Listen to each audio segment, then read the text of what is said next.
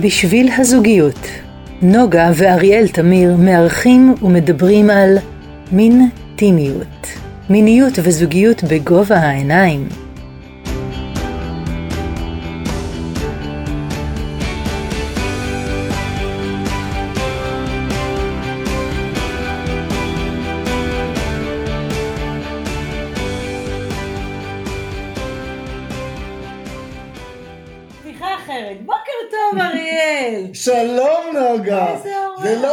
בוקר, אנשים יכולים לשמוע בצהריים, אה, בוקר זה בערב. מושג, בוקר זה מושג. של התחלה. טוב, אז יש התחלה היום מחודשת, כן, מחדשת כן, ומרגשת כן, עם אה, מורה שלנו. נכון. איזה מרגש. ו- ואנחנו מאוד שמחים לארח, לכבוד הוא לנו לארח את פרופסור ירון זיו.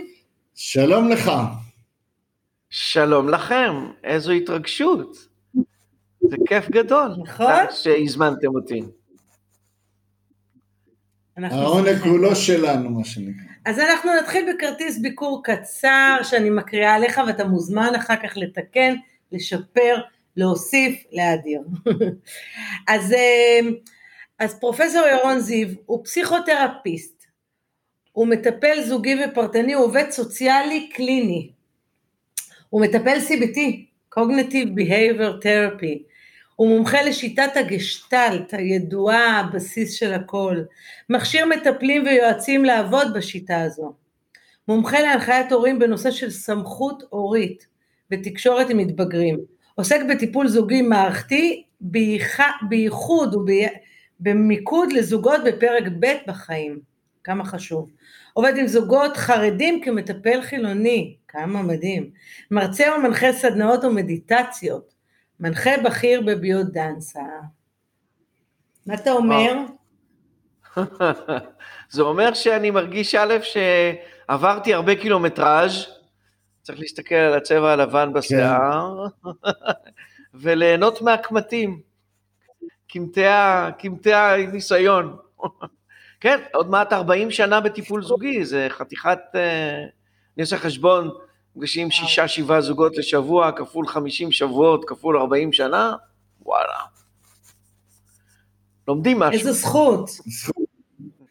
זו זכות גדולה לחיים. גדולה. אני אוסיף גם אה, אה, שהוא עושה הרבה מאוד אה, פינות, אה, לא פינות, הקלטות חיות בקבוצות. בפייסבוק מאוד מרתק, מאוד מעניין, ובנושאים- שווה לעקוב. אה, כן, בנושאים של זוגיות, והפודקאסט הזה יעסוק בהתמחות שלה, אנחנו נדבר על אה, פרק זוגיות. פרק ב'.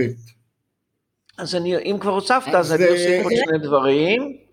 אם הוספת, אני אוסיף שני כן. דברים, שאני כבר במשך אה, שמונה שנים כותב כל שבת, אה, שעכשיו זה יהפוך להיות ספר, אה, פוסטים בפייסבוק שנקראים בשבת בבוקר עם כוס קפה ביד, ובפוסטים האלה אני כותב על כל מיני חוויות שאני פוגש עם אה, מטופלים, ומציף את זה כסוגיה, כדילמה, כהסתכלות על החיים בכלל.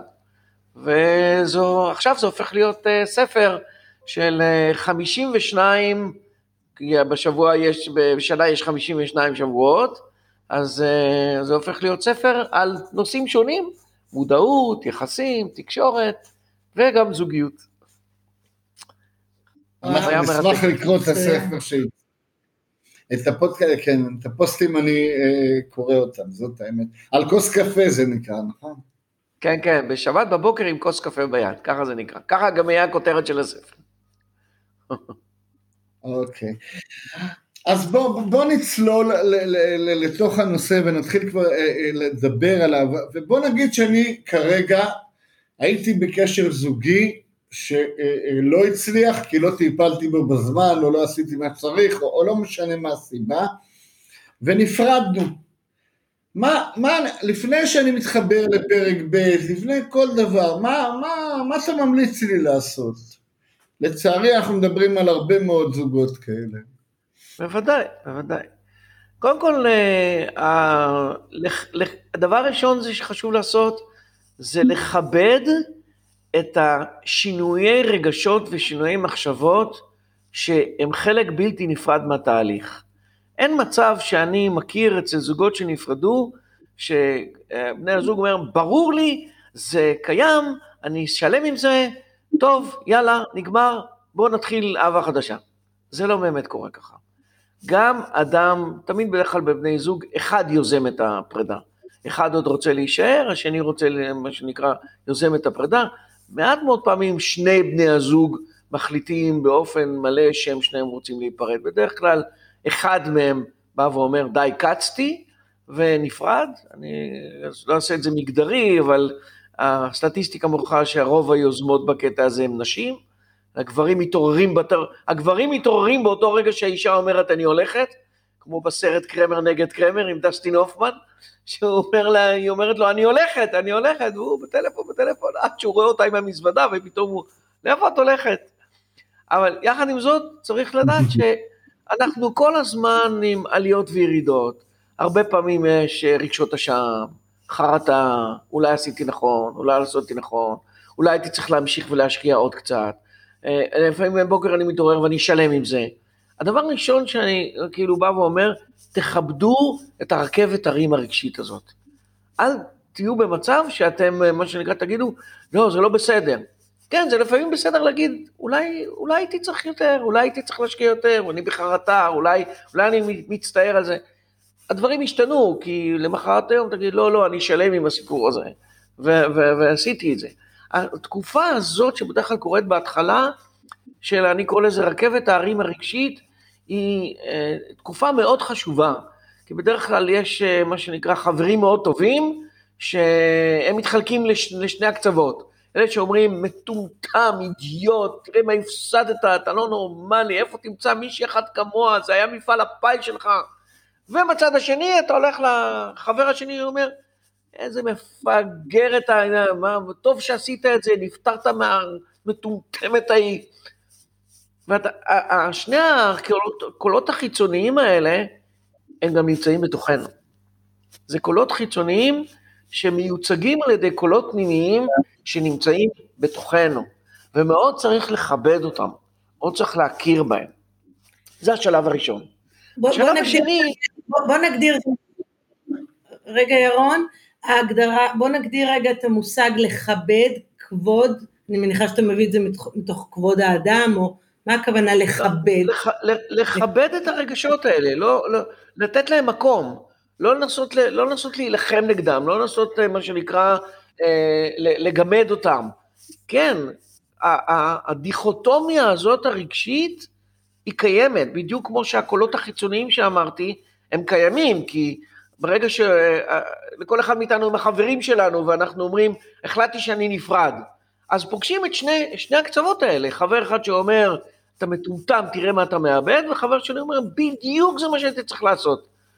ומה שאני מנסה להגיד, שהקולות החיצוניים האלה, הם בעצם, קוראים לזה מניפסטציה, הם בעצם התגלמות של הקולות הפנימיים שקיימים בתוכנו.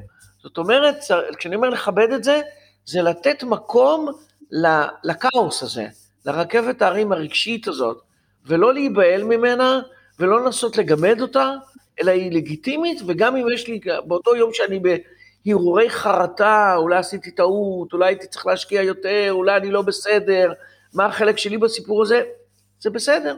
בדיוק כמו להגיד, לא, זה נכון, עשיתי את זה, עשיתי בדיוק את מה שהייתי צריך לעשות. יש לרגשות האלה עוצמה, לכן אני קורא לזה לכבד את הכאוס. לכבד את הכאוס, כן, לכבד את, כן. את התחושות האלה. השלב הבא, ואתה אומר שאם אני כבר... כן, שלב... השלב הבא זה כשאני רוצה, מה שנקרא, ונניח אני כבר מגיע למקום שאני יותר שלם עם ההחלטה שעשיתי, אז אני צריך, מה שנקרא, לחזק את עצמי. לחזק את עצמי זה, וזה אולי לא נעים להגיד, אבל זה ככה אני, לחזק את עצמי, זה כל הזמן להזכיר לעצמי את מה לא עבד בזוגיות הזאת. מה לא עבד בזוגיות הזאת? שבגללה החלטתי שאני uh, נפרד. הרי לא סתם החלטתי שאני נפרד.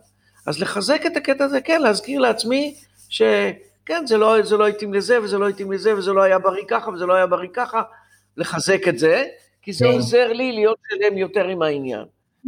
ובמקביל לזה, במקביל לזה, אה, הפתרון שהציע פרויד לפני הרבה מאוד שנים, והוא עדיין מאוד נכון ומאוד מתאים, להעסיק את עצמי כל הזמן בדברים אחרים. עבודה להיות מאוד, להתמסר, לעבודה ולהתמסר למה שנקרא תחביבים, להעצים את התחביבים, כדי מה שנקרא לאפשר לי לעבור את תקופת המעבר עד שאני אהיה פתוח לקשר חדש. אז uh, להטביע את יגוני, להטביע את יגוני, המון דברים, כן. אני אומר, תעבדו, תעבדו, קחו לעבודה, תתפתחו ותשקיעו בתחביבים. תתחילו לרכב על אופניים, תתחילו לעשות ספורט, מה שנקרא, אני אומר פרק ב'. ביודנסה. מה? ביודנסה. אני אומר, ביודנסה יש הרבה אנשים שמה שנקרא מגיעים לשם בעקבות אה, פרידה, בעקבות אה, זקוקים לתחושה של חיבוק. מה בעצם ההבדל בין זוגיות פרק, מה ההבדל בין זוגיות פרק א' לפרק ב'? אה, זו שאלה כללית, אני אנסה, אני אנסה ככה למקד אותה. ההבדל הראשוני זה, אתה יודע, זה כמו ביטולין וסקס. בזוגיות פרק א', אה, זה כמו לבקע את הביטולין. זו הפעם הראשונה שאתה עושה, שאתה נמצא במה שנקרא. מערכת יחסים, ופרק ב' זה כבר. עברת. כבר עשית סקס, אתה כבר לא בתול, אתה כבר לומד מה, מה נעים ומה לא נעים, ואתה, זה, זה היה מטאפורי עכשיו, זה לא, זה היה מטאפורי. זאת אומרת, בזוגיות פרק א', אין לך השוואה למשהו קודם. זה הראשוני, אתה, אתה מתחיל את זה מההתחלה. כן? בזוגיות פרק ב' כבר נכנסת השוואה. וברגע שנכנסת השוואה, זה מה שנקרא מקור, מקור הבעייתיות. כן? כי אני בזוגיות פרק ב', אני כבר יש לי, מה שקרה, ואני אדבר על זה יותר בהמשך. יש הבדל גדול מאוד בין גרושים ואלמנים. זה עושה הבדל עצום. אני אראה לכם אחר כך, יש מטריצה שלמה לגבי הדינמיקות השונות בפרק ב', שמשנה לגמרי את כל מערכות היחסים. אבל בגדול, השוואה הראשונית היא לגירושין, זאת אומרת שאם היה לי מערכת זוגית לא בריאה ולא טובה ועם הרבה מאוד קשיים, אז אני רוצה כל הזמן, השאיפה שלי שהבן זוג, הבת זוג הבא, יהיו בדיוק הפוכים מהבן זוג הקודם שהיה לי, ואני כל הזמן נמצא בהשוואה, ואם זה בדרך כלל אלמנים, אז יש שם תופעה שנקראת אידיאליזציה. כלומר, אתה לא ראית באף, אני מניח שלא ראית באף מצבה בשום בית קברות, מה שנקרא, היה מניאק, חרא של בן אדם, ולא היה רגיש לבני המשפחה שלו. תמיד, בכל מצבה, הוא תמיד היה מדהים ונהדר ו, ויושרה, והכל זה, מה שנקרא, דברים כאלה, כי זה חלק ממה שקורה. הנטייה היא לעשות אידיאליזציה מבן או בת הזוג שנפטרו, ואז מגיעה השוואה שאומרת, האם בכלל אני אוכל למצוא מישהו שיהיה דומה למה שהוא היה, או דומה למה שהייתה, היא הייתה מושלמת, או היה מושלם, שכמובן, מה שנקרא, לא, לא כל הנוצאת זהב הוא, וזה לא בדיוק ככה, אבל זה אחת התופעות הפסיכולוגיות של אידיאליזציה, ולכן קשר זוגיות פרק ב' היא הרבה יותר מורכבת, בגלל האלמנט הזה של ההשוואה לזוגיות קודמת. באמת בוא נוסיף לזה את אחוזי הסטטיסטיקה נוסיף לזה את אחוזי הסטטיסטיקה ש, שיש אחוזים גבוהים שפרק ב' מסתיים גם בפרידה, גם בגירושים, למעט אם נעשה התהליך שאנחנו נשמח לשמוע מה, מה כדאי שיעשה, כי אתה אומר כיבדתי את הרגשות שלי, וגם נניח שעשיתי עבודה פרטנית, זאת השאלה, בלהבין מה היה, ועכשיו יצאתי ל... ביטולים חדשים, למגע אה, זוגי חדש. מה בעצם אני, איך, איך הוא יהיה חדש?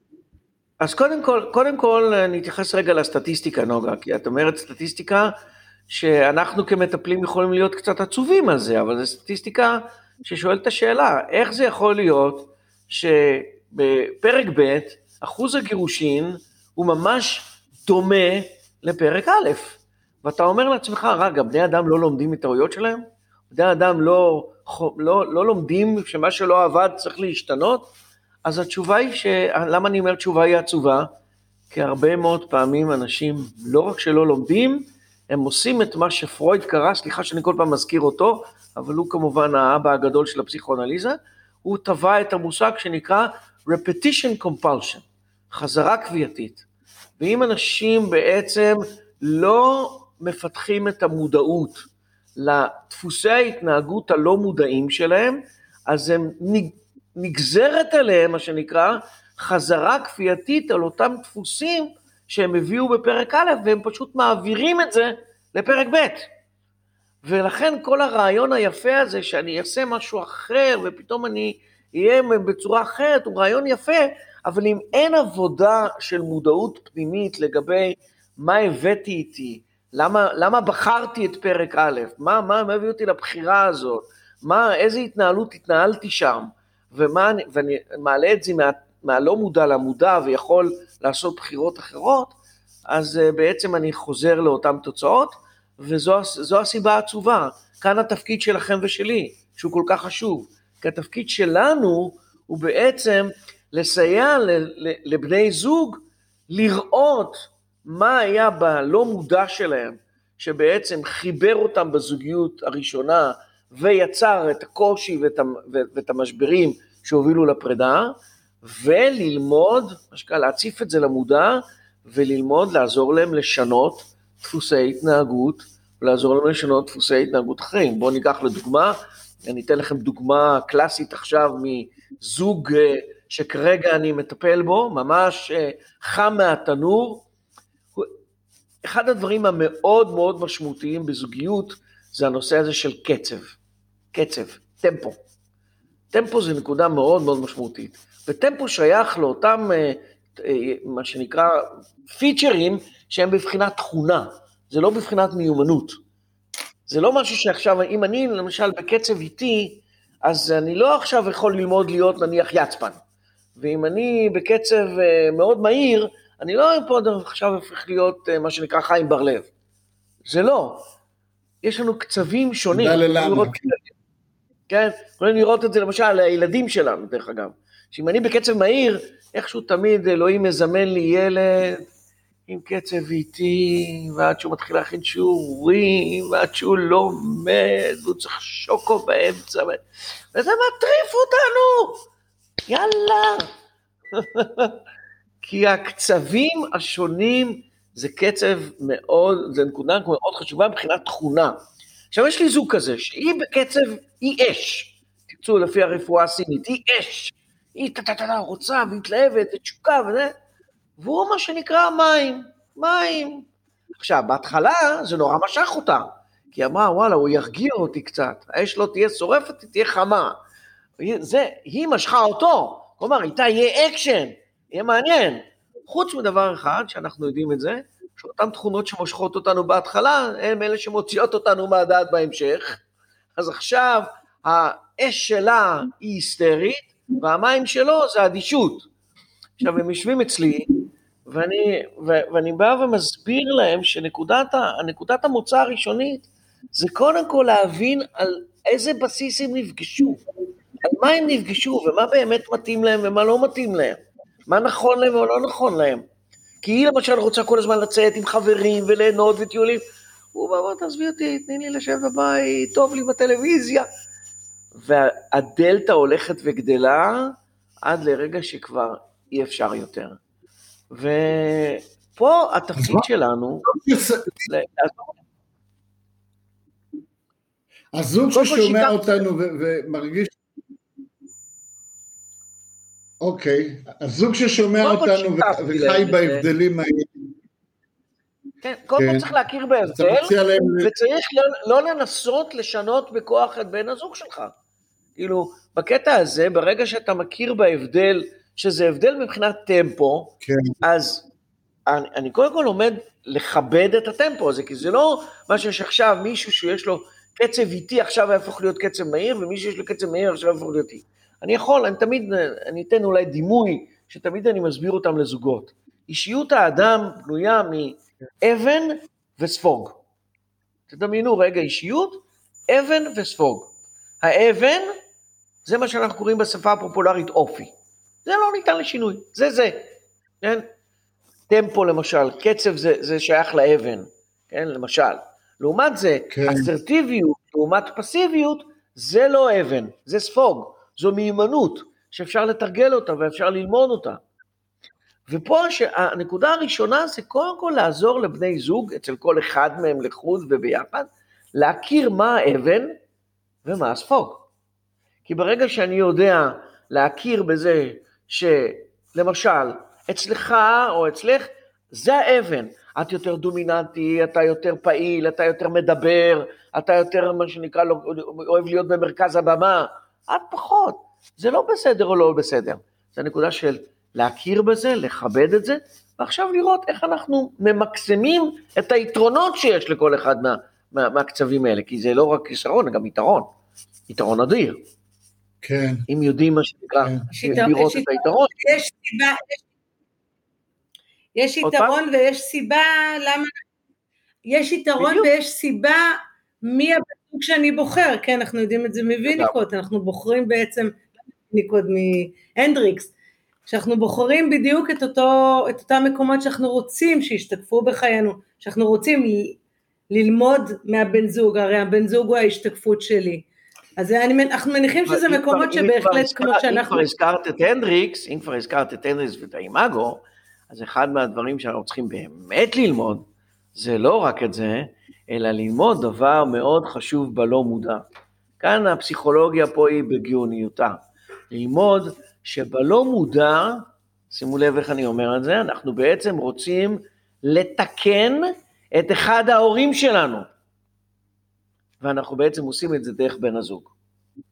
כלומר, אני, יש לי הורה, כן. ובפנטזיה שלי אני רוצה לתקן אותו, כיוון שאני לא יכול לעשות את זה עם ההורה, אני עושה העברה על בן הזוג, שדרכו אני אתקן את ההורה שלי. זו הבנה מאוד מאוד חשובה, שאנחנו נכון. צריכים להבין. אנחנו יודעים, אנחנו יודעים גם הנדריקס שניתן לתקן על ידי, בעזרת הבן זוג, את הדברים שיושבים אצלי. זה גם עוד משהו. עכשיו אני רוצה לקחת את זה, יש, יש תופעה שרווחת, אה, אה, אני לא יודע עד כמה היא רווחת, אבל אנחנו נתקלים בה, שזוגות אה, פרק ב' מעדיפים לגור מגורים נפרדים. שלא נכון. לגור בדירות שונות, או, או, מה, מה עמדה, איך אתה רואה את המקום הזה? כבעד, נגד, מה השיקולים, מתי זה יותר טוב, מתי זה פחות טוב? אז אה, אוקיי, אז עוד פעם, אתה שואל שאלה ממוקדת ואני לוקח אותה תמיד ועושה הרחבה. מה לעשות, זה איש, איש אקדמיה, ישר רואה דברים מול העיניים ברמה מחקרית, ברמה של הסתכלות, בקטע הזה. אז אם נחליט, אם נחליט לרגע שזוגיות זה הקבוצה הכי קטנה בעולם, נכון? קבוצה מוגדרת כשניים ומעלה, אז זוגות הם קבוצה. וברגע שהם קבוצה זה הופך אותם לארגון הכי קטן בעולם. ובאותו רגע נכנס מושג שנקרא תרבות ארגונית. יש מושג שנקרא תרבות ארגונית. אז אם למשל, אתה בא מתרבות ארגונית שהיא דתיות, ואני עובד כמו שהזכרתי במטפלים חרדים, אין מצב דבר כזה של דירות נפרדות. זה לא עולה בכלל בקונטקסט, כן? כי התרבות הארגונית זה שברגע שאנחנו מתחתנים, אין גם לחיות ביחד בלי חתונה. ברגע שאנחנו מתחתנים, אנחנו גרים באותו בית. משותף, אין בכלל אופציה אחרת. אם אנחנו לא בתרבות הארגונית הדתית, אז כבר יש מה שנקרא, אה, בתרבות הארגונית החילונית, יש כבר מה שנקרא שיקולי דעת. אז אה, רק הסבר קטן, שיקולי הדעת האלה באים כתוצאה מהרבה אה, מאוד נוחות, כן, נוחות, זאת אומרת, אתה יודע, אני נפרדתי נניח מבת הזוג שלי, אז אה, לא ישר אחרי שבוע כבר הכרתי בת זוג חדשה שאיתה אני הולך לחיות כל החיים. לוקח זמן. עכשיו, מה שקורה זה שהם מתרגלים ללבד, קוראים לזה, מתרגלים ללישון אלכסון במיטה, וזה יוצר כזאת נוחות ותחושה של חופש, שאני אומר, וואלה, מה אני עכשיו אכניס עכשיו מישהי שישב ויגיד לי למה זה לא מסודר, למה זה לא מסודר, למה זה פה, לא, לא. ועם אנשים, אנשים בעיקר אומרות את זה לגברים, וואלה, היה לי שקט, עכשיו עוד פעם אני צריכה גבר שינחר לי בלילה? לא, טוב לי ככה, נוח לי ככה, מה שנקרא, הנוחות עושה עבודה מאוד גדולה בעניין הזה, לי יש את הבית שלי, לא יש את הבית שלו, ואנחנו ניפגש כשמתאים לנו ונוח לנו, נבלה ביחד, בכיף, לא נורמלי, ומה שנקרא, כל אחד יחזור לביתו. עוד יותר זה משמעותי כשמדובר בזה שלכל אחד מבני הזוג יש ילדים, כי ברגע שחיים בבית משותף, אז אה, מה שנקרא, ילדים זה סיפור לא פשוט, מורכב, ואז אנחנו אומרים, כל אחד, אתה תישאר עם הילדים שלך, אני אשאר עם הילדים שלי, ואנחנו ניפגש ונמצה את ההנאה שבקשר החדש, ולא לא, לא נעמיס על עצמנו את הבעייתיות שיכולה להיות בקשר החדש.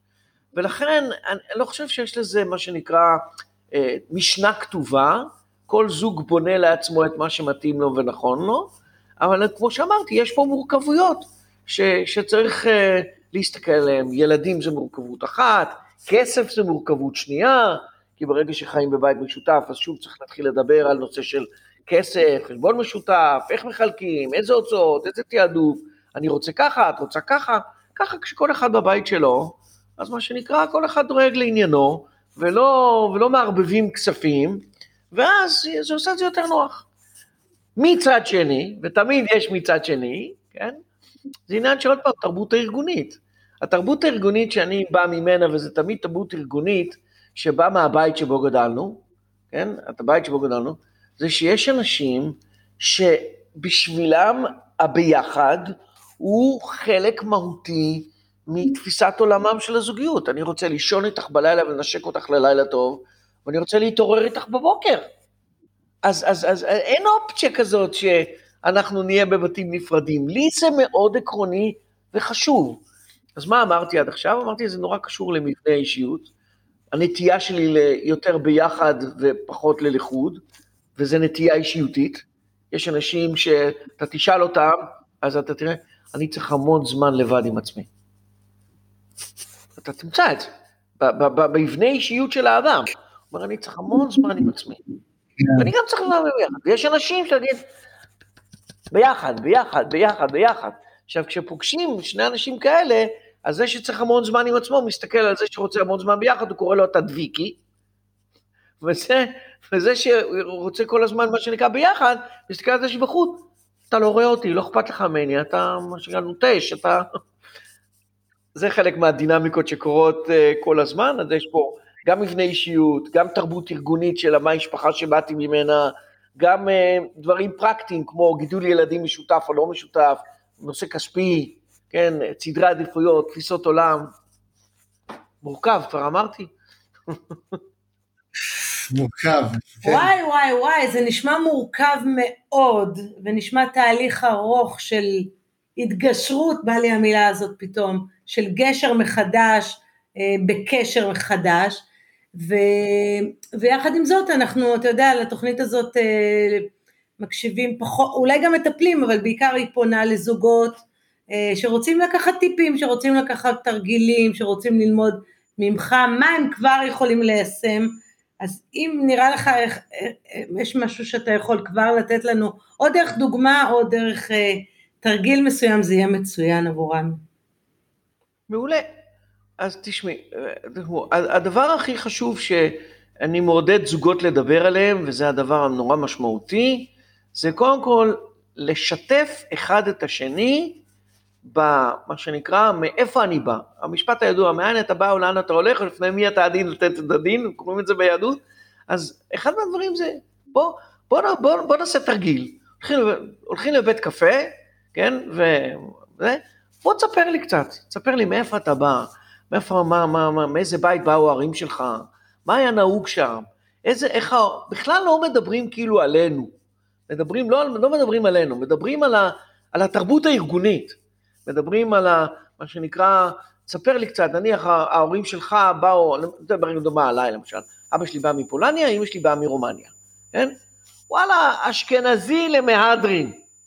זה אומר הרבה מאוד לבית שבו גדלתי, כן? זה אומר, למשל, אחד מהדברים שגדלתי עליהם, שאני לא זכיתי לחיבוק חם ולא זכיתי למילים כמו כפרה שלי, מה שלומך, התגעגעתי. אני זוכר שכש... קיבלתי את הדוקטורט, אבא שלי עוד דיבר עליי בגוף שלישי.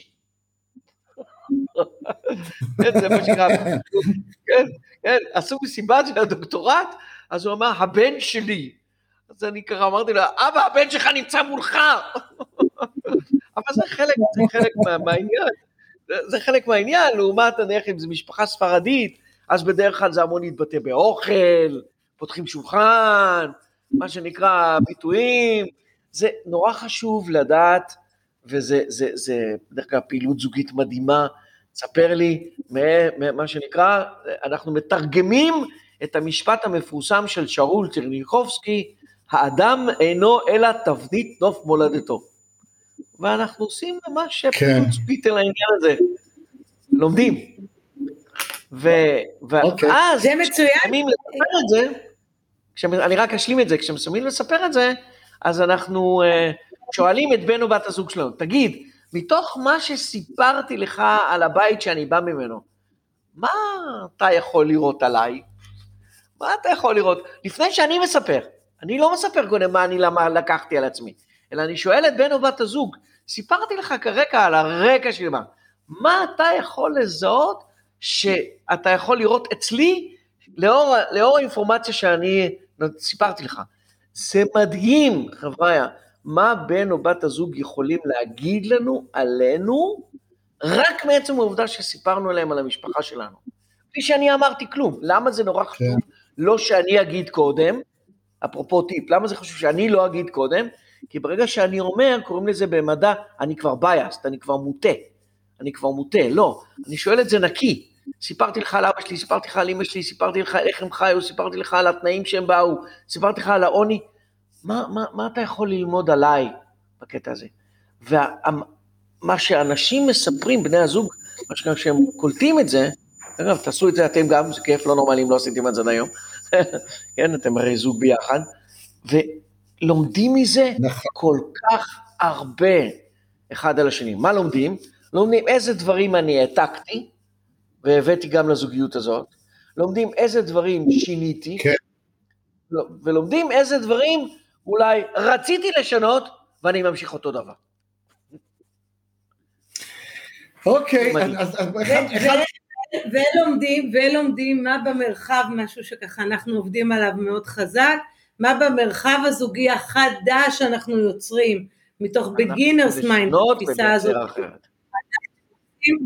כן, לבחור, לבחור מחדש. אז אחת ההתמחויות שלך, שאני אני רוצה קצת לגעת בהן, כי היא מאוד מסקרנת ומעניינת, ויש שם אה, הרבה תפיסות אה, טיפוליות שמושתתות על הבסיס הזה של הגשטלט. כל הנושא הזה של הגשטלט עצמו, ואתה כבר עוסק בזה הרבה שנים. מומחה. בכמה מילים או בדוגמה, איך זוג יכול לקחת את העקרונות האלה של הגשטלט ולהכניס את זה לחיים, או לנסות להבין מה זה אומר בזוגיות שלו, בחיים שלו השוטפים. וואו, זה עכשיו אה, מה שנקרא לספר תורה שלמה על רגל אחת, אתגרתם אותי, אבל אנחנו הכל עושים ב-60 שניות. כן, כן, בדיוק, זה לעשות 60 שניות. אז בואו אני אגיד ככה, הדבר הכי מהותי בעבודת הגשטלט, שהמילה גשטלט זה המילה בגרמנית לשלם, השלם שיותר גדול מסך הכל סכום חלקיו, זה קודם כל להכיר בעובדה בשני דברים. אחד, זה החשיבות של הרגשות, מה אני מרגיש ומה אני חווה, והדבר השני, זה ההתמקדות בכאן ועכשיו.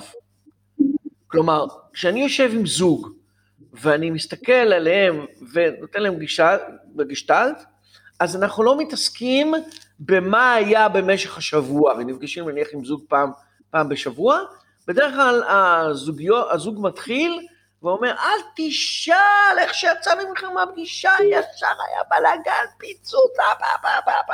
וכמובן, מה, מה, מה, מה, מה זה עושה? זה אומר, לא, זה לא נכון, זה לא היה ככה, זה היה אחרת, את שקרנית, אתה שקרן, וכל, וכל הפגישה הולכת אם זה היה נכון או לא היה נכון. בתפיסת הגשטלט, אנחנו לא עוסקים בזה. בתפיסת הגשטלט, ואני ממליץ לכם לעשות את זה, תאמצו משהו מהגשטלט גם כמטפלים, ואני אומר לזוגות, קוראים לזה אצלנו בגשטלט voice in. כל פגישת גשטלט מתחילה ב-voice in. מה זה voice in? אני כאילו מכניס את הקול שלי לתוך הפגישה. ה-voice in הוא הצהרה על מה קורה לי כרגע כשאני איתך או איתך בחדר. ככה מתחילים, זה ממש חובה.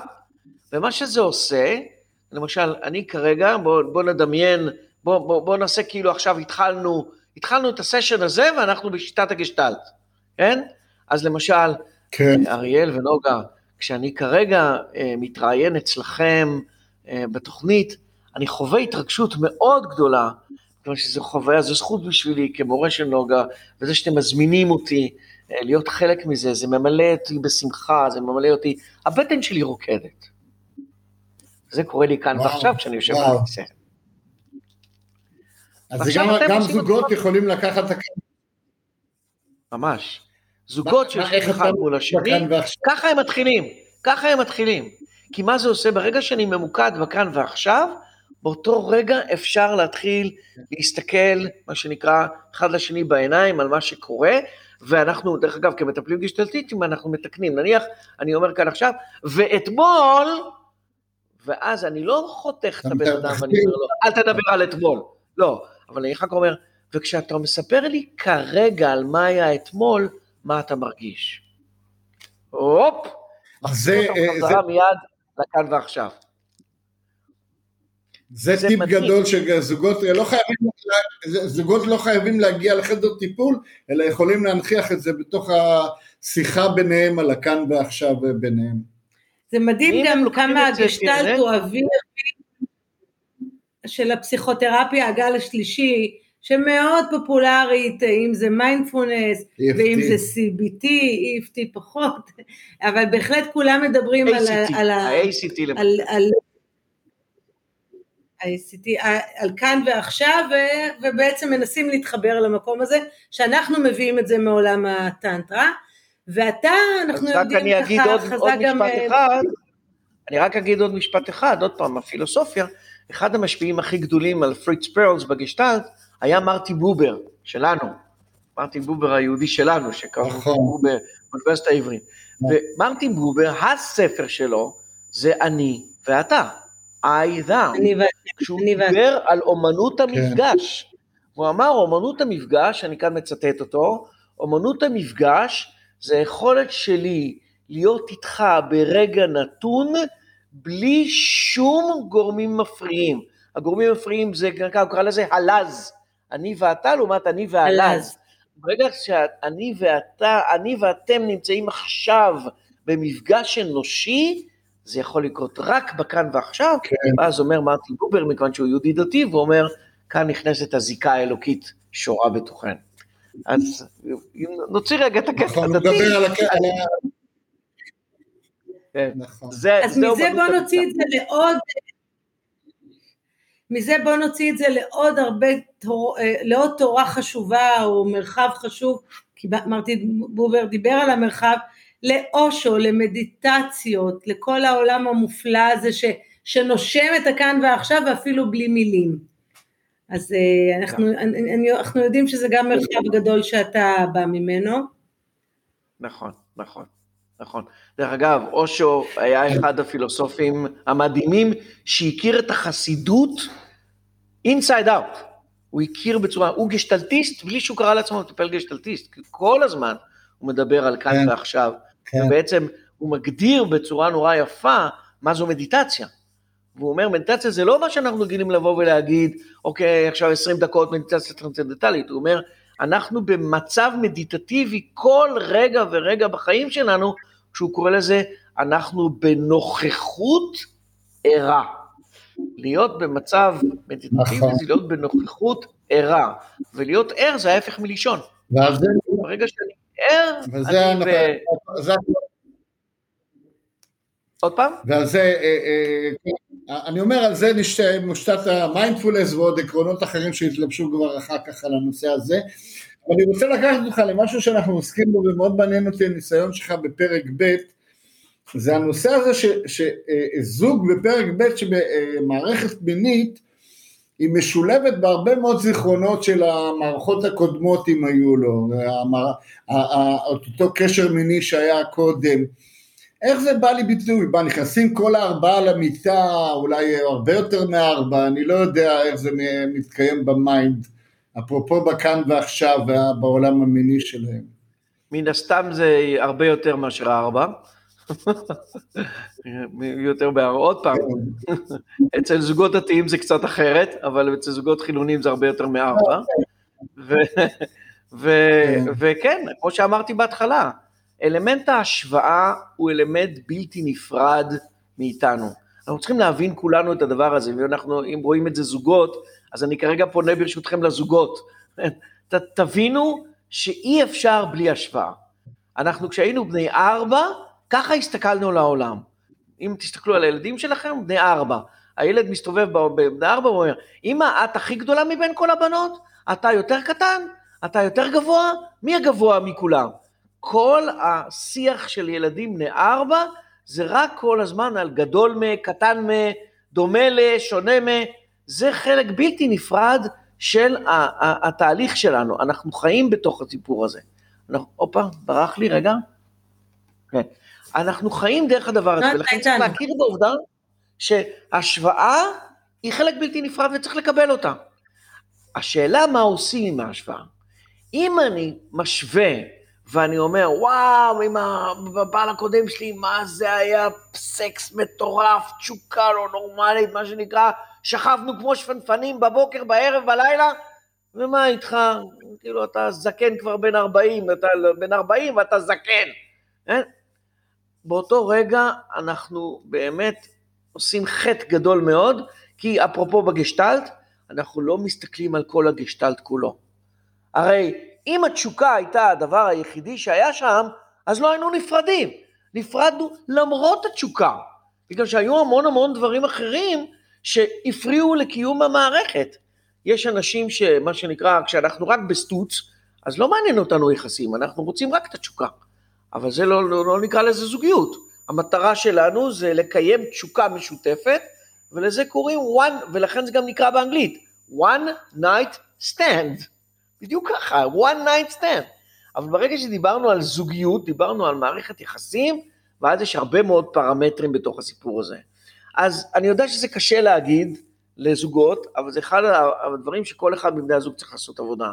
להסתכל על התמונה הגדולה. דרך אגב, ב-NLP יש טכניקה, יש תרגיל מאוד מעניין, שנקרא להכניס את התמונה הקטנה בתוך התמונה הגדולה.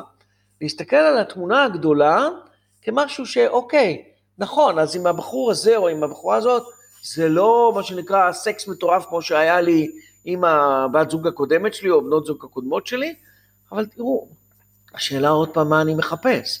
אני מחפש יחסים או אני מחפש זיון?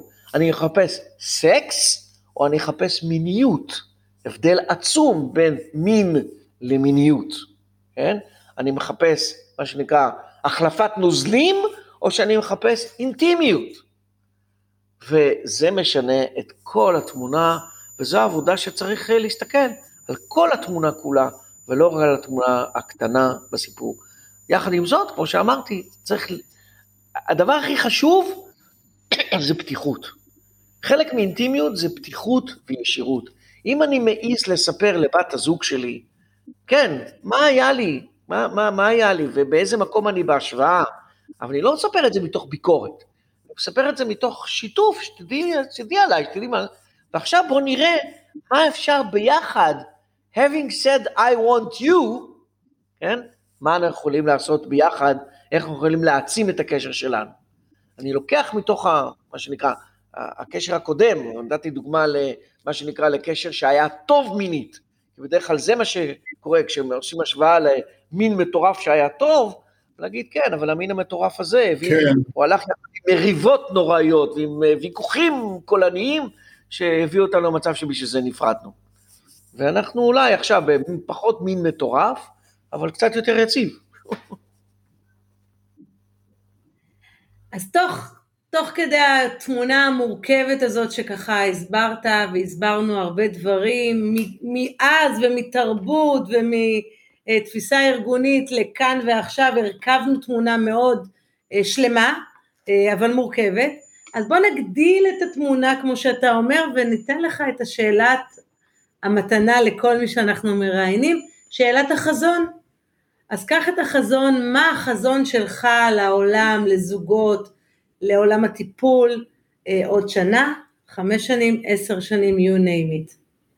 מה הוא?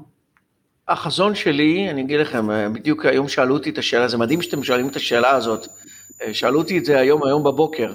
למה? כי אני כתבתי היום בוואטסאפ שלי, בקבוצה שנקראת מדברים זוגיות, באותה תוכנית שאני עושה כל יום ראשון בערב עם ההרצאות, כתבתי בוואטסאפ שלי שאני מבקש מאנשים, אה, מה שנקרא, לתת חוות דעת, כי אני בפרויקט כזה של קידום התהליך הזוגי. אז שאלו אותי, אז מה, מה, מה, מה הפרויקט הזה, מה אתה עושה? אמרתי, אני רוצה להגיע למצב כזה, שכל זוג, מה שנקרא, אה, שמחליט להיות בזוגיות, וזה אומר אפילו אה, זוגיות שמתחילה בגיל מאוד צעיר, בבית ספר תיכון, זה יהיה חלק מתוכנית הליבה בבית הספר. זה בעיניי יותר חשוב, סלחו לי, יותר חשוב מאפילו נגיד מתמטיקה ואנגלית, שאלה מקצועות מאוד חשובים. כי את זה תמיד אני יכול ללמוד דרך אינטרנט. אבל ליצור מה זה אינטימיות, להבין מה זה אינטימיות, ויש לי בת בת 14, יש לי בת בת 14, היא הבת הזקונים שלי. אני, היא משתפת אותי עכשיו בכל מה שקורה לה עם הבנים שמתחילים איתה, והבנות שמדברות. אני אומר לעצמי, וואו, אם הם היו עכשיו חווים באמת שיעורים על מה זו אינטימיות, מה זה חברות, מה זה לכבד אחד את השני, מה זה שוני, מה ההבדל בין חשיבה של גבר, מה ההבדל בין חשיבה של אישה, כן? מה זה, אפילו את הדבר, אפילו את הדבר הכי פשוט, שאני תמיד אומר לזוגות, אני תמיד אומר להם את זה, שהמחשבים האישיים שלנו הם שונים. במחשב של האישה אין כפתור שנקרא delete, ובמחשב של הגבר אין כפתור שנקרא save. זה, ההבדל של מחשבים. עכשיו, את זה, את שני המחשבים האלה אנחנו מחברים ביחד. אז אם מתחילים מגיל מאוד צעיר, וכל, למשל, אני אספר לכם על מה הייתי רוצה שיקרה, כן? כשאני הייתי בארצות הברית ועבדתי בארצות הברית, היה לי הסכם עם הרב והרבנית, שכל זוג שרוצה להתחתן צריך להתחייב ל-12 מפגשים, ל-12 מפגשים. ארבעה מפגשים עם הרב והרבנית, ושמונה מפגשים איתי, שבה מדברים על מה זו זוגיות, מה זה, מה, זה, מה זה לעבור מחשיבה של אני לחשיבה של אנחנו. זה לא משהו טכני, זה mindset אחר לגמרי. זה שתי מכוניות שעכשיו צריכות לנהוג ביחד. צריך הכנה לזה, זוהי חשיבה שנקראת מניעה ראשונית. אז החזון שלי, שזה יהפוך להיות, אה, אני הייתי רוצה שזה מה שנקרא יהפוך להיות כמו, כמו קורס נהיגה מונעת. כמו קורס נהיגה מונעת. אני לא מחכה שתהיה תאונת דרכים כדי שאני אלמד לנהוג, מה שנקרא, ואני רוצה ללמוד לנהוג, לא לעבור את הטסט. אז אותו דבר, הפרויקטים האלה של זוגיות צריכים להיות כל הזמן בכל מערכת שאנחנו פוגשים. וזה יהיה, אני אומר לכם, זה יהיה. וואו, זה יהיה, אנחנו מתחברים לזה משד עצמותינו על המקום של הטיפוח, על המקום של ה... לתת את האווירה הזוגית ואז ליצור זוגיות, להבין מהי זוגיות, אנחנו שם לחלוטין ומעריכים מאוד חזון כזה, זה ממש החזון שאנחנו גם רוצים להביא לעולם, ולכבוד הוא לנו על התוכנית הזאת, ותודה רבה. תודה לכם על הזכות, על ההשתתפות, ואנחנו יחד בחזון משותף, זה פשוט יקרה. זה כבר קורה דרך אגב. אפשר לצרף את... אתם כבר עושים את זה. אתם עושים את זה, מכיוון שזוגות מקשיבים לפודקאסטים לכם, אז אתם כבר מגשימים את החזון הזה. נכון. הנה. אנחנו מזמינים את כולם להצטרף אלינו, זה יכול, זה, יש כר נרחב לחזון הזה לכולם, מקום לכולם יש. לגמרי, לגמרי. מקום ויש הרבה ידע, יש הרבה ידע וזוגות באמת מתבקשים ככה עבור עצמם לקנות את הידע, להסתכל פנימה, לעשות את ה-voice in ואת ה-voice out ולהיות שם אה, בעשייה נכון, של למען הזוגיות. ולמה אני אומר זה, זה, זה, זה, זה חזון וחשיבה? כי זה חשיבה של חשיבת מניעה. אני לא מחכה עד שיהיה בלאגן כדי לטפל בעניינים, אלא אני מכשיר ובונה חשיבה מניעתית. זה דומה, אם אני אזכיר רגע, אתם תסלחו לי עוד דקה, שוב רגע אקדמיה, אחד מהדברים המעניינים זה המודל של ג'רד קפלן. הוא פיתח את זה ב-1964, שנקרא מודל המניעה הראשונית, השניונית והשלישונית. והוא דיבר דווקא על מערכות בריאות. ואמר, אנחנו צריכים להשקיע בעיקר במניעה הראשונית, לחנך לשטוף שיניים בוקר וערב כדי למנוע עששת, לבד ולקחת ויטמין C ולקחת בחורף ולקחת אצידופולוס. מה זה כל החינוך הזה לחינוך בריא, להשתמש בעבודה ויטמינלית, להשתמש בספורט? זה כדי למנוע מבעיות להיווצר. ברור שמה שנקרא יגיע החורף, חלק מאיתנו יקבל שפעת, ברור, אבל אם אנחנו נשקיע בחשיבה המניעתית, אז פחות אנשים יקבלו שפעת, המערכת החיסונית תהיה יותר גבוהה, פחות אנשים יצטרכו אחר כך לעשות השתלת שיניים. בסופו של יום אומר קפלן, אם נשקיע במניעה ראשונית, נרוויח כולנו כחברה. ואת אותו דבר, אם אנחנו נעשה בקטע הזוגי ונבנה מערכות של חשיבה, של הכשרה, של מה זה אינטימיות, מה זו חברות, אנחנו פחות פחות, מה שנקרא, כאילו אנחנו עכשיו יורים לעצמנו ברגל, נכון? פחות ישתכרו לנו. כחברה, הלוואי, הלוואי ופחות יסתכלו לנו לטיפול בזמן משבר. ואנחנו נהיה שותפים לחזון של בניית האווירה הזוגית המשותפת. יפה, מילים טובות לסיים בהם. פרופסור ירון זיו, תודה לך. היה לנו לעונג להקשיב ולהיות איתך במסע השעתי הזה שעברנו, ושנמשיך לעשות רק טוב. תודה רבה. תודה רבה לכם. התוכנית מוגשת ביוזמת בשביל הזוגיות, טיפול זוגי ומיני, מין, טימיות, בשיח ומגע, קליניקות ברחובות ובתל אביב ובמרחב הווירטואלי. שמעת והרגשת שאת מתחברת? חושב ויודע שיש מה לשפר? אל תחששו להתקשר ולהתייעץ, אנחנו כאן בשבילכם. נוגה ואריאל תמיר, בשביל הזוגיות. 0544 9765 29